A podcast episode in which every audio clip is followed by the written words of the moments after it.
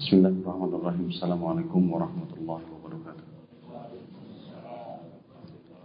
Alhamdulillah.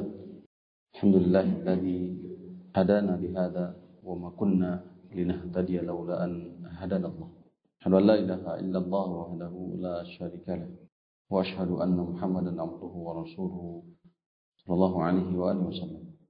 As'alullah li wa lakum التوفيق والسدد إنه ولي ذلك والقادر عليه. كما نسأله جل ذكره أن يتولانا في الدنيا والآخرة وأن يجعلنا من المباركين أينما كنا وأن يجعلنا ممن إذا أوتي الشكر وإذا ابتلي الصبر وإذا أذنب استغفر اللهم صل على محمد وعلى آل محمد كما صليت على آل إبراهيم إنك حميد مجيد. وبارك على محمد وعلى آل محمد. Kama barakta ala ali Ibrahim innaka Hamidum Majid. Bapak dan Ibu yang dimuliakan oleh Allah Subhanahu wa taala, hari ini kita bersyukur kepada Allah Subhanahu wa taala atas limpahan nikmat karunia yang tidak terhingga pada subuh ini kita bisa duduk bermajlis mentadaburi firman Allah, mentadaburi hadis Nabi kita yang mulia Nabi Muhammad sallallahu alaihi wasallam. Kemudian salawat dan salam untuk Nabi kita yang mulia Nabi Muhammad Shallallahu Alaihi Wasallam. Hari ini pertemuan kedua dari bab janabah. Tema yang kita angkat adalah sebab utama mandi janabah. Sebab-sebab atau sebab utama mandi janabah. Secara umum kewajiban mandi sebagaimana sudah kita sampaikan bahwa di antara sebab disyariatkannya mandi sebagaimana di dalam kitab Al-Mu'tamad fil Fikih Asy-Syafi'i fikih Al-Mu'tamad atau fikih terpilih dalam mazhab Imam Asy-Syafi'i bahwa di antara sebab-sebab utama yang mewajibkan mandi secara umum itu ada lima kemarin kita sudah sampaikan. Pertama adalah haid, nifas, kemudian mati kematian, ad-dukhul fil Islam, masuk ke dalam Islam, Kemudian janabat. Al-Imam Ibnu Hajar Al-Asqalani dalam kitab Bulughul Maram yang kita bahas ini akan datang hadis-hadis berkaitan dengan ini semua secara rinci. Adapun hadis yang kita bawakan sekarang, kemudian hadis sebelumnya, innal ma'a minal ma' bahwa air itu dari air atau yang dimaksud adalah mandi janabat itu apabila keluar air atau keluar mani sebagaimana sudah kita sampaikan di pertemuan sebelumnya bahwa sebab utama seseorang atau wajibnya mandi janabat itu dua kemarin kita sudah sampaikan. Pertama adalah al-jima yaitu hubungan suami istri. Nah hari ini hadis ini yang kita bawakan adalah berkaitan dengan hakikat dengan jima sebab utama. Baru setelah itu adalah khurujun mani keluarnya air mani. Yang kedua, sebab yang kedua adalah keluarnya air mani. Bisa disebabkan karena tidur. Dan Ibnu Hajar Asqalani datang hadisnya setelah bab yang sekarang kita kaji. Atau bisa jadi mulabah atau keluarnya air mani disebabkan karena bercumbu atau melihat atau berpikir atau sebab-sebab yang lain yang menyebabkan air mani itu keluar. Baik. Qala al-muallif rahimahullahu taala. Telah berkata Imam Ibnu Hajar Al-Asqalani pengarang kitab Bulughul Maram hadis yang kedua dalam kitab Babul Ghusli dalam kitab At-Taharah Babul Ghusli wa Hukmul Junub. Bab mandi janabat serta hukum junub. Wa an Abi Hurairah radhiyallahu anhu. Dari Abu Hurairah radhiyallahu taala anhu Qala qala Rasulullah sallallahu alaihi wasallam. Rasulullah sallallahu alaihi wasallam telah bersabda, "Idza jalasa jika dia Siapa yang maksud dengan dia di situ? Hah? Ah, seorang laki-laki. Karena domirnya adalah huwa. Idza jalasa huwa asal katanya. Domirnya mahdhuf, takdiru huwa domirnya terbuang. Domir itu apa? Hah? Predikat atau kata ganti. Jadi dia, jika dia, yaitu seorang laki-laki, jalasa sudah duduk baina syu'abiha al-arba. Di antara syubah itu cabang. Syu'abiha al-arba. Empat cabang atau empat bagian tubuh seorang wanita, seorang istri yang dimaksud. Summa kemudian jahadaha. Kemudian dia bersungguh-sungguh. Faqad wajabal ghuslu. Maka telah wajib baginya al-ghuslu mandi.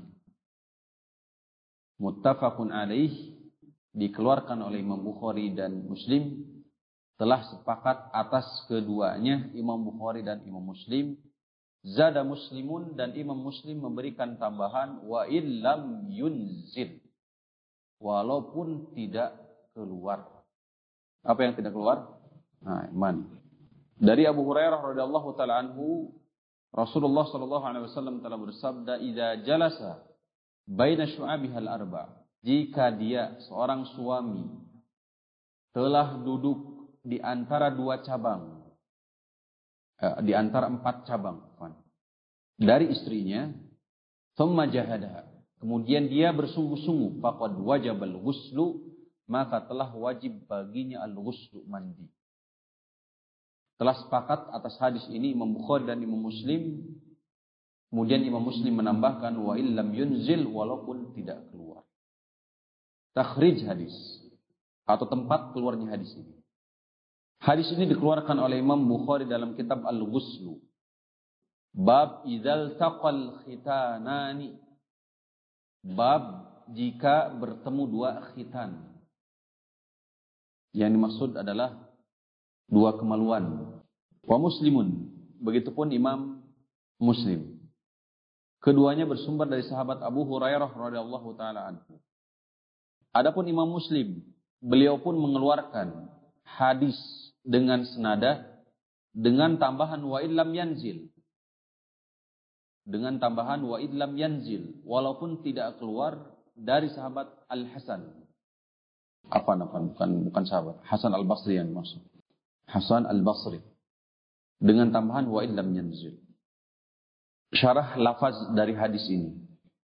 Beberapa lafaz yang perlu kita jelaskan berkaitan dengan hadis ini. Pertama, yang dimaksud dengan duduk ini wahwa mafhumun minasyiyam. Bisa diambil daripada siyam. Wal murad bil julus kaunu bidzalika al mahal. Yang maksud duduk di sini adalah kesiapan seorang suami untuk melakukan hubungan suami istri. Adapun bayna syu'abiha al arba yang dimaksud dengan empat cabang perempuan atau wanita istri dalam hal ini jam'u syu'batin jamak daripada syu'bah. Syu'bah itu adalah al-qit'atu minasyai, potongan tubuh. Syu'bah itu secara bahasa itu potongan tubuh, potongan bagian daripada tubuh wanita. Wal muradu biha yadaha wa rijlaha. Yang dimaksud adalah dua tangan dan dua kaki. Yadaha dua tangan, wa rijlaha dua dua kaki. Dan ini merupakan sebuah kinayah, ungkapan gambaran bahwasannya an makanatir rajul minal mar'ati fi halil juma. Kesiapannya seorang suami ketika hendak melakukan hubungan. Ketika hendak melakukan hubungan. Adapun kalimat jahadah di garis bawahi kalimat jahadah.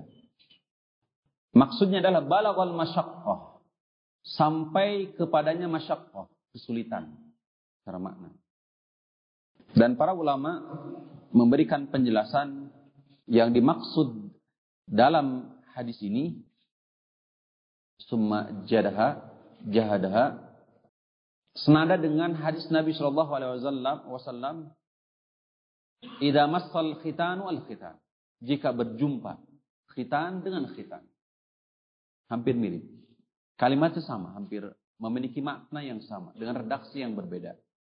Redaksi yang lain wal zakal hitan al khitan. Baik dalam riwayat Imam Muslim ataupun riwayat yang lainnya. Cuma beda lafaz saja. Idza massa al khitan itu masa itu semacam apa? Kalau idal tako kan berjumpa, bertemu. Kalau masa apa? Bersentuhan. Wal wal zaqal khitan bil khitan al khitan al zaqo. Menempel. Al zaqo itu menempel. Lazik itu semacam apa? Menempel. Ini sebuah iya perkat lah begitu. Semacam perkat. Ini sebuah ungkapan yang menunjukkan antara yang menunjukkan bahwa suami dan istri sudah betul-betul bersungguh-sungguh melakukan hubungan tersebut. Oleh karena itu para ulama menegaskan bahwa yang dimaksud dalam hal ini bahwa idza jalasa baina syu'abiha al-arba yang dimaksud sampai apa? Diberikan batasan. Sampai hilangnya taghyibu al-hasyafah fil faraj. Wal muradu min iltiqa'il dan yang dimaksud pertemuan dua khitan tersebut adalah taghyibul hasyafah, menghilangnya hasyafah laki-laki fil faraj di kemaluan perempuan atau di istri. Nah, jelas ya? Nah, taghyib, menghilang.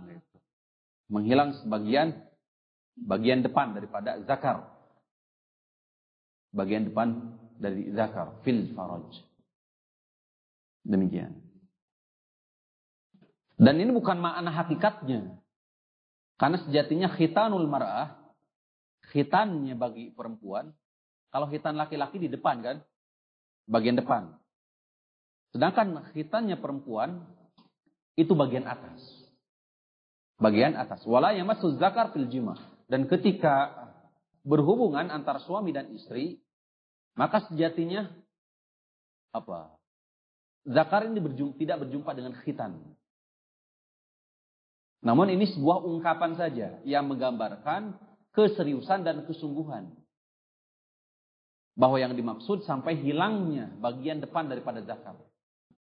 Faqad wajabal ghuslu alaihima jami'an. Maka wajib bagi. Bagi siapa? Keduanya. Untuk mandi. Jadi bukan untuk, bukan siapa? Laki-laki saja. Akan tetapi keduanya. Baik, sekarang pikir hadis. Ini dari sisi gambaran. Sudah tergambar kalimat khitan yang dimaksud. Oleh karena itu, dalam fikih Imam Asy-Syafi'i, al-wat'u baina rajul wal mar'ah. Jima itu adalah al-wat'u baina rajul wal mar'ah. Hubungan antara suami dan istri, laki-laki dan perempuan. Wa huwa ilajul hasyafah. Ya, hilangnya hasyafah bagian depan daripada zakar fi faraji mal mar'ah. Kemaluan perempuan. Yaitu. Landasan landasan dalilnya Quran surah Al-Maidah ayat 6. Wa in kuntum junuban a'udzubillahi minasyaitonir rajim wa kuntum junuban fattaharu. Jika kalian berada dalam kondisi junub maka hendaklah kalian bersuci. Fikih hadis. Hadis ini menunjukkan wajibnya mandi janabat minal jima dari apa bahasa kita? Dari jima. Dari jima saja bahasanya? Dari jima. Baik untuk laki-laki ataupun perempuan. Sawaan ahasala inzalun amla baik keluar ataupun tidak keluar air mani. Hal ini ditegaskan sebagaimana riwayat Imam Muslim. Di lafaz yang kedua, wa illam yanzil. Walaupun tidak keluar. Dalil ini sorry, tegas. Dalil ini sorry tegas. Oleh karena itu sebagian para ulama, bahkan kebanyakan para ulama, hadis ini sebagai nasih penghapus dari hadis sebelumnya yang sudah kita bawakan innamal ma'u minal ma'.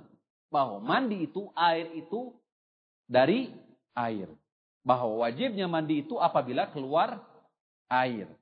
Dengan hadis Imam Muslim ini, ya, Hadis Imam Bukhari dan dikuatkan oleh Imam, dengan jelasnya Imam Muslim, wa illam yanzil walaupun tidak keluar. Waqad akhraja Muslim min tariqi Hisham. Imam Muslim telah mengeluarkan hadis ini melalui jalur Hisham dari Humaid bin Hilal. Qala beliau mengatakan, "Wala a'lamuhu illa an Abi Burda." Saya tidak mengetahui kecuali dari Abu Burda, dari Abu Musa. Beliau mengatakan ikhtalafa fi dzalika rahtun minal muhajirin wal ansar. Masalah ini diperselisihkan dari kalangan muhajirin. Rahatun itu kumpulan orang. Sekitar 3 sampai 10. Hampir mirip dengan bid'un. Kumpulan orang. Dari kalangan muhajirin dan ansar. Faqala ansariyun. Para sahabat ansar mengatakan, La yajibul ghuslu illa minan dafki awil ma' tidak wajib mandi kecuali keluar atau terpancar yaitu air mani. Waqal muhajirun dan kaum muhajirin berkata, bal idza khalata faqad wajabal ghuslu. Justru idza khalata apabila sudah bercampur faqad wajabal ghuslu maka telah wajib baginya adalah mandi. Faqal Abu Musa. Kemudian Abu Musa mengatakan, Fa ana ashfikum min dzalika faqumtu fasta'dzantu ala Aisyah. Kemudian aku berdiri dan meminta izin datang kepada Aisyah radhiyallahu taala anha. Kenapa bertanya kepada Aisyah? Kenapa? Kan para sahabat banyak. Kenapa datang kepada Aisyah? Karena tidak ada orang yang, tidak ada sahabat yang lebih mengetahui berkaitan dengan masalah rumah tangga, apalagi ini berkaitan dengan apa? Apa? Suami istri. Kecuali siapa? Istrinya. Dalam hal ini siapa? Aisyah radhiyallahu taala Maka Abu Musa datang kepada Aisyah radhiyallahu taala anha, fa'adinatli kemudian dia memberikan izin. Faqultu laha Kemudian aku bertanya kata Abu Musa, "Ya amma, wahai ibuku, wahai ibunda, au ya ummal mu'minin, atau redaksi yang lain ummal mu'minin, ibunda kaum mukminin, Inni uridu an as'alaka an syai'in wa inni astahyiki. Tabu Musa, lihat. Bagaimana rasa malu ini tidak menutup dari menuntut ilmu. Sesungguhnya aku ingin bertanya kepadamu tentang sesuatu walaupun sejatinya aku malu mempertanyakan masalah ini kepadamu. Faqalat. Beliau mengatakan ini Masya Allah faidah. La tastahyi an tas'alani amma kunta sa'ilan anhu ummuka allati waladat Janganlah engkau malu bertanya sesuatu atau mempertanyakan sesuatu. Sa'ilan anhu ummuka allati waladatka untuk bertanya kepada ibumu. Kamu jangan bertanya, jangan malu untuk mempertanyakan sesuatu kepada ibumu yang telah mengandung dan mengeluarkanmu. Itu kata Aisyah. Kenapa harus malu? Jadi karena Aisyah radhiallahu taala adalah ummul mukminin, ibunda dari kaum mukminin. Kenapa engkau harus malu? Seorang anak bagaimana? Kalau bertanya pasti kepada siapa yang terdekat? Kepada ibu. Maka tanyakanlah. Tanyakanlah sebagaimana seorang anak bertanya kepada ibunya. Tanpa tanpa ada rasa malu kan begitu. Tidak ada sungkan kan? Maka demikian pula kata Aisyah radhiallahu taala kamu jangan malu. Anggaplah dirimu ini sebagai anak yang bertanya kepada ibunya. Anggaplah dirimu ini sebagai anak yang bertanya kepada ibunya yang telah melahirkanmu atau melahirkannya. Fa'innama anak ummuka karena sesungguhnya aku adalah ibumu. Fakultu. Kemudian ini hadis ini dikeluarkan Imam Muslim dengan redaksi yang begitu panjang. Asbab urunnya. Qultu fama yujibul guslu. Apa yang mewajibkan mandi? Qalat alal khabiri saqatta. Engkau datang kepada orang yang tepat. Tuh, lihat. Jadi kalau kita bertanya kepada ahli zikri, ya kata bagaimana firman Allah taala. Ya. Bagaimana? Mas'alu ahla zikri in kuntum la ta'lam. Mintalah kepada sesuatu yang memang tepat dalam segala urusan kita. Qala Rasulullah sallallahu alaihi wasallam, kemudian Rasulullah sallallahu alaihi wasallam bersabda, "Idza jalasa baina syu'abil arba wa masal khitan, al-khitan faqad wajib al-ghuslu." Ini redaksi Imam Muslim. jika dia telah duduk di antara empat cabang dari perempuan, wanita, istri, wa masal khitan dan berjumpa antara khitan dengan khitan, maka telah wajib baginya mandi. Ini redaksinya. Hadis ini nasihun dimafhumi hadis innamal ma'u minal ma'. Hadis ini memansuh atau menghapus hukum hadis innamal ma'u minal ma' mafhum dari hadis innamal ma'u minal ma' bahwasanya air tersebut atau mandi itu apabila keluar air. Mana dalilnya? Wa dalilu nashi adapun dalil nasah hadis Abu Ubay bin Ka'ab. Hadis Ubay bin Ka'ab dikeluarkan oleh Imam At-Tirmidzi, Imam Ahmad dan yang lainnya. Ibnu Huzaimah, Ibnu Hibban dan Imam At-Tirmidzi mensahihkan hadis ini. Dari sahabat Ubay bin Ka'ab. Ini dalil yang memansuh. Yang menegaskan bahwa hadis yang kita bawakan ini memansuh hukum innamal ma'u minal ma'. Ubay bin Ka'ab mengatakan innama kanal ma'u minal ma' ruhsatun fi awalil Islam. Sesungguhnya hadis air itu dari air Innamal ma'u minal ma' ruhsah. Merupakan ruhsah di awal Islam. Thumma nuhya anha kemudian dilarang. Kemudian terlarang atasnya. Wa huwa sarihun fin nasi. Hadis ini merupakan dalil sarih. Tegas. Bahwasannya hadis idza jalasa baina syu'abil arba atau hadis innamal ma'u minal ma' itu mansuh terhapus ditinjau dari sisi hukum berdasarkan atau perkataan Ubay bin Ka'ab. Ala anna hadis ijabil ghusli wa lam yanzil arjah bahwasanya hadis yang kita bawakan bahwa wajibnya mandi walaupun tidak keluar air mani itulah yang lebih rajih. Walau lam yasbut an-nasu. Baik, sekarang kalau seandainya nasakh ini atau penghapusan terhadap hadis ini dari sisi tinjauan mafhum ini lam yasbut. Tidak dibenarkan. Tidak ada ketetapan bahwa hadis tersebut itu mansuh. Karena ada sebagian kemarin kita sudah sampaikan sebagian ulama membawakan hadis innamal ma'u minal ma' kepada al-muhtalim. Yaitu orang yang tidur atau mimpi basah. Innamal ma'u minal ma' Kalau dia melihat air, ya, kalau melihat air, maka wajib baginya mandi. Kalau tidak, maka tidak ada kewajiban bagi orang yang mimpi basah ini untuk mandi. Mimpi akan tetapi tidak keluar air. Nah, sebagian mengartikan atau membawakan hadis tersebut ke muhtalim, orang yang mimpi.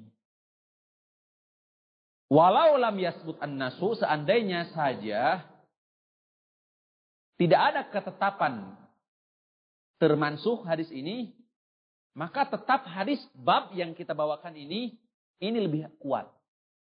Li'annahu mantuqul hadis karena justru hadis ini adalah redaksinya. Bisa dipahami? Ada teks, ada konteks gitu ya. Ada teks dan konteks hadis. Kalau yang kemarin kita bahas, innamal ma'u minal ma' itu diambil dari sisi mafhum atau konteks hadis. Jelas? Kalau ini dari sisi mantuk hadis, redaksi hadis. Dari sisi redaksi hadis. Tuh. Wadalika mafhumun. Sedangkan itu adalah mafhum. Wal mantuk muqaddamun fil amal alal mafhum. Dan mantukul hadis, redaksi hadis, itu lebih dikedepankan dalam beramal daripada mafhum. Menarik kesimpulan dari sebuah hadis. Karena apa? Pemahaman pemahaman, bukan dari sisi redaksi hadis. Wa qad rawa Muslimun min tariqi Abi Zubair, Imam Muslim telah meriwayatkan dari jalur Abu Abu Zubair dari Jabir. An Ummi Kulsum dari Ummi Kulsum dari Aisyah istri Nabi sallallahu alaihi wasallam qalat Inna rajulan sa'ala Rasulullah. Seorang laki-laki telah bertanya kepada Rasulullah anir rajul. Tentang seorang suami Ya. Berhubungan dengan istrinya. Thumma yuksilu. Kemudian kasal. Kasal itu secara bahasa kaslan itu malas. Malas. Malas. Tapi yang yang dimaksud adalah apa? Tidak keluar air mani. Berhubungan dengan suami istri akan tetapi air mani tidak keluar. Kaslan itu. Istilahnya apa? Malas itu bahasanya. Ditanya dari sisi bahasa kaslan. Istilah fikisnya adalah aksala yuksilu. Iksal. Hal alaihi ma'al ghuslu. Apakah ke, untuk keduanya ada kewajiban untuk mandi? Wa Aisyah jali satu sedangkan Aisyah ada di situ. Di situ ada siapa? Ada Ummu Kulsum, Aisyah ada di situ. Lihat. Faqala Rasulullah sallallahu alaihi wasallam, "Inni la af'alu dzalika sesungguhnya aku pernah lihat bagaimana ini perbuatan Nabi. Sesungguhnya aku pernah melakukan hal tersebut berhubungan tapi tidak keluar air mani. Kaslan tadi. Iksal. Anak wahadihi. Sesungguhnya aku dan ini. Siapa yang maksud ini? ini? Aisyah radhiyallahu taala. Ini dalil sorry, tegas. Summa nagtasil. Kemudian kami berdua mandi. Kemudian kami berdua mandi. Hadis sahih dikeluarkan oleh Imam Muslim. Ini dalil sahih, sorry, bahwasannya wajibnya mandi itu apabila berhubungan. Walaupun tidak keluar mani. Dinukil oleh Ibnu Rajab Al-Hanbali dari Imam Ad-Darqutni. Beliau mengatakan, "Lam yakhtalif an Abi Zubair fi rafi al-hadis." Tidak diperselisihkan. Hadis ini atau an Abi Zubair dari Abu Zubair fi rafi al-hadis bahwasanya hadis ini marfu' sampai kepada Nabi sallallahu alaihi wasallam. Wa Ummu Kulsum hiya ukhtu Aisyah. Sedangkan Ummu Kulsum adalah siapa? Saudari daripada siapa? Aisyah. Saudari daripada Aisyah. Radiyallahu anhumah. Zakaru Ibnu Rajab wan Nawawi di, sebagaimana disebutkan oleh Ibnu Rajab dan Imam An-Nawawi dalam syarah Sahih Muslim. Wa qala hadza min riwayatil akabir minal anil asagir. Ini merupakan riwayat akabir al asagir riwayat periwayat besar dari mengambil ilmu dari orang yang lebih kecil. Gitu. Mengambil riwayat dari siapa? Orang yang kecil eh, dari orang eh, riwayatil akabir dari akabir dari orang yang lebih kecil. Nah, Allah taala alam. Imam An-Nawawi rahimahullahu taala wa ghairuhu dan yang lainnya menukil ijma in aqoda telah sepakat telah telah terjadi kesepakatan bahwasannya wajib mandi bil jima dengan jima walaupun tidak keluar wa ala wujubihi bil inzal wa kana jama'at min sahabah adapun kewajiban dengan apa keluarnya itu adalah jamaah minas sahabah bagian ataupun kumpulan dari kalangan para sahabat La yaronal ghusla illa bil inzal. Mereka tidak berpendapat bahwa mandi tidak wajib mandi kecuali dengan keluar air mani. Thumma raja'a ba'duhum. Kemudian sebagian mereka kembali rujuk. Begitu. Rujuk dari pendapat tersebut. Wa baqiyal khilaf masyhuran baina tabi'in. Kemudian muncullah khilaf perselisihan ya di kalangan tabi'in dan setelahnya. Lakin jumhur ala ijabil ghusli akan tapi jumhur ulama Ya, kebanyakan para ulama mewajibkan mandi. Nah. Wa qad Imam Muslim, Imam Muslim dalam sahihnya, fi hadzal maudi dalam tempat ini dari Abu Ala Ibnu Syakhir. Beliau mengatakan, karena Rasulullah Rasulullah sallallahu alaihi wasallam yansau hadisahu memansuh hadisnya ba'dahu ba'dan. Sebagian dengan sebagian yang lain. Sebagaimana Al-Quran sebagian terhadap sebagian yang lain. Jadi hadis pun ada. Al-Quran ada, kemudian hadis juga ada. Oleh karena itu dalam uh, ulumul Quran, ulumul hadis, ada bab nasih wal mansuh. Ada bab nasih wal mansuh. Ini menunjukkan bahwa Di dalam Al-Quran ada nasi wal mansukh. Hadis pun ada nasi wal mansukh. Nah. Kemudian yang berikutnya istimalul kinayah amma yustahya an tasrih bidzikrihi. Menggunakan ibarah atau ungkapan ungkapan yang apa? Tidak sorry semacam apa? Sebuah ungkapan yang memalingkan kalau seandainya sesuatu yang membuat kita malu maka apa bikinlah sebuah ungkapan yang memang apa memalingkan dari situ. Menggak, apa bisa bisa dipahami tidak? Istimalul kinayah menggunakan kinayah amma yustahya dari sesuatu yang yang menyebabkan malu. Minat tasrik kalau seandainya dia betul-betul jelas. Seperti tadi perkataan siapa Abu Musa al-Ash'ari kepada Aisyah radhiyallahu taala anha. Abu Musa al-Ash'ari menggambarkan. Kemudian hadis ini pula imaun ila ba'dil hukmi min ijabil ghusli bil jima' Wahia audatu nasyatil jismi ba'da al-juhdi al-mujib li futurihi. Wajibnya mandi, hukum wajibnya mandi dari jima, audatu nasyatil jismi. Salah satu hikmahnya mengembalikan apa? Nasyat al-jismi. Mengembalikan apa? Semangat tubuh. Jadi tubuh semakin fresh. Ba'dal juhdi. Setelah apa? Al-juhd. Karena sejatinya uh, hubungan suami istri itu terutama sudah apabila sudah keluar air mani diakhiri dengan futur. Diakhiri dengan futur. Nah, wasumyal mani maniyan disebut juga mani sebagai mani. Ay yusib. Nah, nanti insya Allah kita akan sampaikan dalam bab ihtilam, bab mandi. Sebab utama mandi yang kedua disebabkan karena apa? Mimpi, mimpi basah. Sampai sini terlebih dahulu. Ini dulu. Ya, wajibnya mandi disebabkan karena apa? Jima. Jima. Baik, jelas? Ada yang kurang jelas? Ada sesuatu yang perlu ditambahkan? Mangga silakan.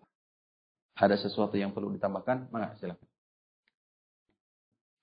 Cukup? Cukup aja. Baik sekarang eh, mimpi-mimpi uh, ya. Gawah kita nambah? Gak masalah nih. Nggak apa ya? Nah, masih gelap di luar. Sayang waktu juga untuk Masya Allah.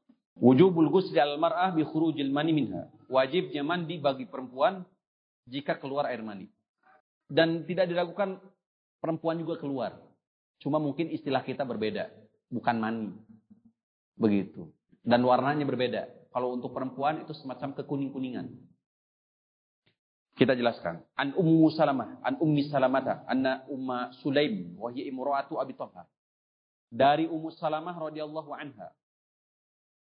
Sesungguhnya Ummu Sulaim wa hiya imra'atu Abi Talha, istri daripada Abu Talha radhiyallahu anhuma, qalat berkata, "Ya Rasulullah, wahai Rasulullah, inna Allah la yasti minal haqqi syai' atau minal minal haqqi." Sungguhnya Allah tidak malu dari sesuatu kebenaran, hak. Sesungguhnya Allah tidak malu dari kebenaran. Fahal alal mar'ati al-ghusl idah talamat? Apakah wajib bagi seorang wanita untuk mandi jika dia mimpi? Qala na'am. Kata Rasulullah SAW, maaf benar. Idza ra'atil ma'a apabila dia melihat air.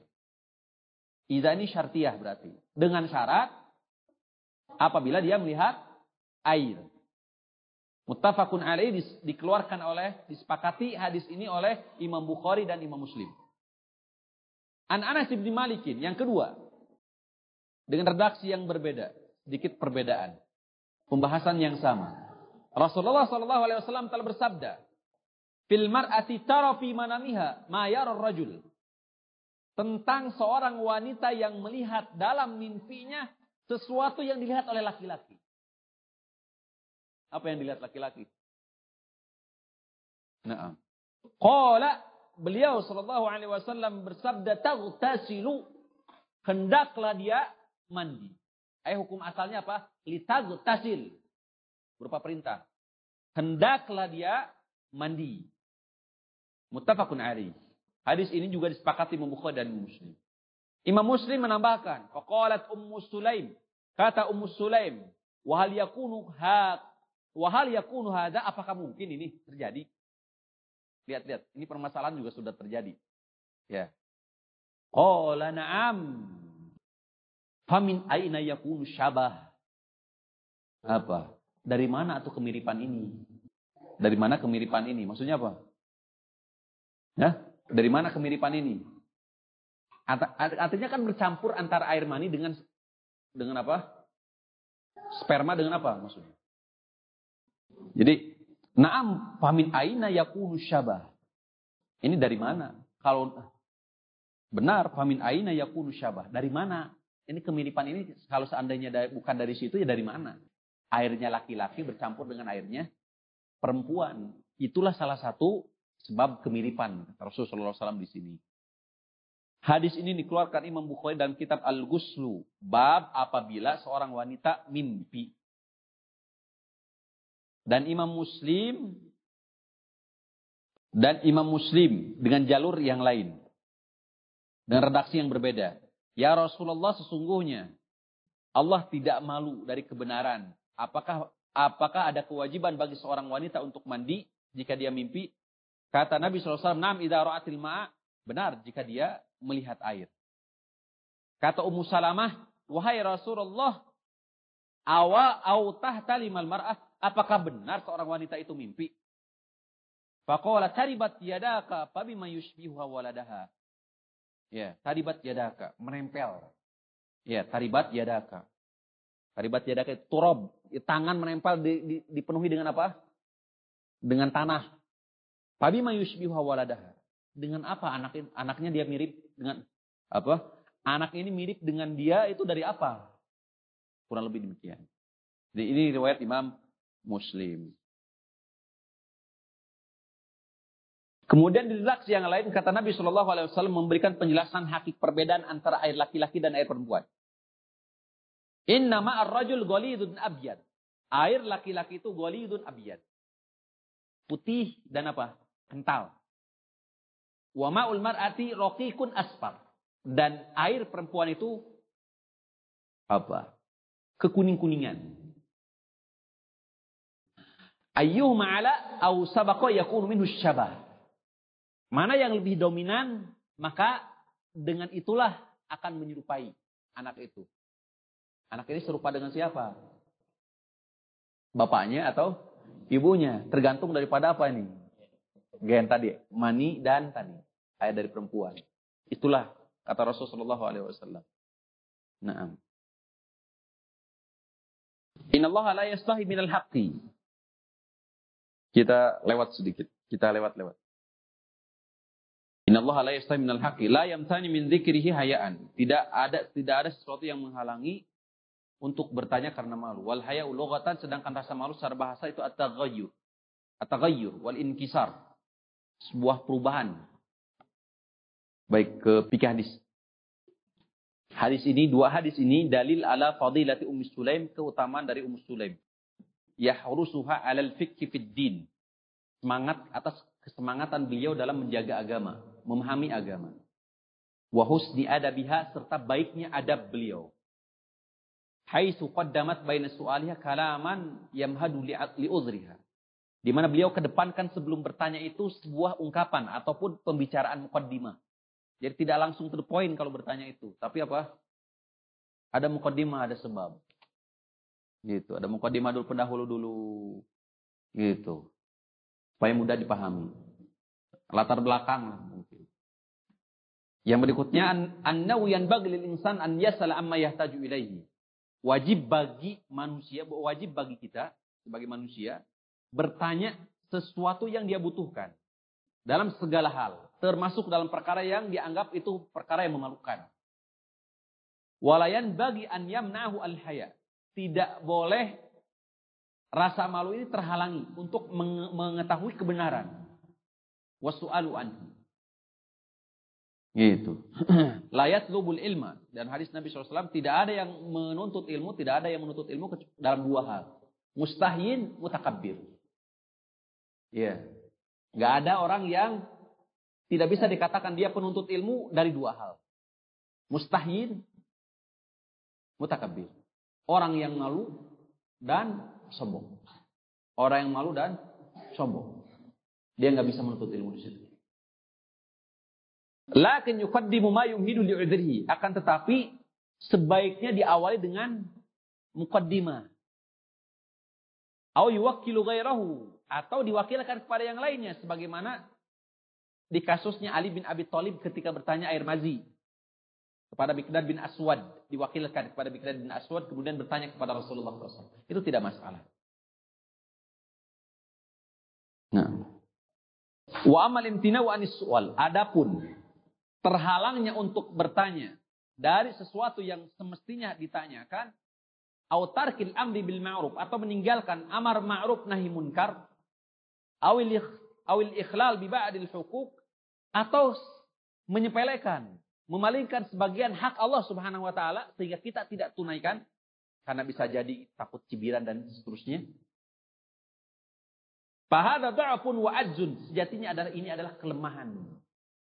Kelemahan dia, bukan malu. Bukan malu. Jadi kalau kalau dia mengatakan oh saya malu. Gitu. Padahal sejatinya dia itu diperintahkan bagian daripada sunnah. Maka rasa malu itu sejatinya bukan hakikat malu secara syar'i. Karena la ya'ti innal haya la ya'ti illa khair. Karena rasa malu itu tidak datang kecuali dalam kebahagiaan, dalam kebaikan. Adapun kalau seandainya rasa malu tersebut, ungkapan malu tersebut itu menghalangi daripada kebaikan, yaitu malu, takut dikatakan oleh orang sebagai dermawan ketika umpamanya sodako, ya malu umpamanya yang dikatakan kalau seandainya hadir majlisul ilmi dikatakan orang yang apa, Hah, soleh, rajin, malu apa lagi? Banyak. Ya, malu ketika kita berpenampilan sesuai dengan sunnah. Malu umpamanya kaum akhwat, kaum perempuan. Berhijab umpamanya. Dan seterusnya. Maka sejatinya itu bukan malu. Akan tetapi ajun wada'pun. Lemah. Sejatinya kelemahan itu. Ungkapan kelemahan iman itu. Menggambarkan kelemahan iman. Gak ada azam di situ. Gak ada azam, nggak ada tekad yang kuat di situ. Bagaimana kasusnya Nabi Adam alaihissalam? Ini saya nggak akan nggak akan sempurna ya, nggak akan sempurna, tapi sebagian saja mudah-mudahan faedah. Sebagaimana kasusnya Nabi Adam alaihissalam dalam Quran surah apa? Toha itu. Quran surah Toha ayat berapa? 115. Bagaimana Quran surah Toha ayat 115. Di mana Allah sudah e, mengikat janji kepada Nabi Adam alaihissalam dan apa memerintahkan untuk masuk ke surga dan memakan apa pun yang ada. Begitu kan? Wa kula minha ragadan haitsu syi'tuma. Wala taqrabah hadhihi syajar. Dan janganlah engkau mendekati satu pohon ini. Gitu. Panasia. Kemudian bagaimana Nabi Adam alaihissalam? Lupa. Kemudian lanjutan ayat tersebut apa? Pendek ayat ini. Beliau tidak memiliki azam. Ya, gimana redaksi ayatnya? Tidak memiliki azam yang kuat. Ini sifat Nabi Adam AS lupa. Ya, Nabi Adam AS lupa. Dan lupanya dari para nabi termasuk dari Rasulullah SAW itu adalah hikmah. Faidah. Sebab di antaranya, kalau kita lupa, maka ber, kewajiban kita adalah mengikuti bagaimana kondisinya Rasulullah SAW ketika lupa. Lihat, kalau lupanya kita dengan Rasul itu jauh berbeda. Kalau lupanya Rasul itu adalah sunnah. Di mana ketika kita lupa, datang kepada kita lupa, kita bagaimana? Mengikuti bagaimana Rasul Shallallahu Alaihi Wasallam lupa, sehingga menunaikan sunnah Nabi SAW. Nah, adapun kita tidak. Ini murni memang kekeliruan gitu dan kelalaian daripada kita. Karena hakikat nasia itu memiliki arti lupa wal ghaflah. Lupa dan goflah lalai. Kelalaian sejatinya. Sedangkan manusia ini hukum asalnya apa tadi? Lupa. Nah, mahalun nisyan. Tempatnya lupa. Itu. Nah di ayat tersebut Quran Surah Toha ayat 115 itu disebutkan bahwa Nabi Adam AS tidak memiliki tidak tidak didapati apa azam yang kuat. Awil ikhlalu bi ba'dil huquqi fahada dha'fun wa ajzun wa khuwarun wa muhanatun sebagai apa? Meremehkan atau bisa jadi muhana, menghinakan. Wala yusamma hayaan tidak bisa dikatakan malu. Secara syar'i. Wa innama yutlaku alaihi ba'du ahli urfi akan tetapi ini diitlakan kepada sebagian adat kebiasaan kembali kepada daerah masing-masing. Menurut kita mungkin itu malu, tapi sejatinya secara syar'i itu tidak. Kayak seperti jilbab kemarin pembahasan sebelumnya kan. Pembahasan berkaitan isbal di sini sudah kita sampaikan. Menurut kita ini, menurut Orop kita ini adalah jilbab. Akan tetapi secara syar'i itu bukan jilbab. Karena ada ada kaidah-kaidah yang harus ditepati. Begitupun rasa malu. Gitu. Nah, limusyabahati al-haya'il hakiki karena memang mirip dengan rasa malu yang sejati yang seutuhnya. Ada kemiripan akan tetapi sejatinya bukan rasa malu ini. Akan tetapi ungkapan sebuah kelemahan daripada keimanan yang dia miliki. Allah Ta'ala ala alam demikian jemaah yang dimuliakan oleh Allah Subhanahu Wa Ta'ala. Saya kira tidak bisa kita lanjutkan ya hadis yang kedua ini. Nanti insya Allah kita akan lanjutkan berkaitan dengan mimpi. Ya, sebab yang kedua dari eh, perkara yang mewajibkan mandi janabat yaitu mimpi sampai keluarnya air mani. Wassallallahu ala nabiyina Muhammadin wa ala alihi washabihi ajmain. Aku lu qauli hadza wa astaghfirullah li wa lakum wa li sa'iri al muslimin. Subhanakallahumma rabbana wa bihamdika asyhadu an la ilaha illa anta astaghfiruka wa atubu ilaik. Assalamualaikum warahmatullahi wabarakatuh.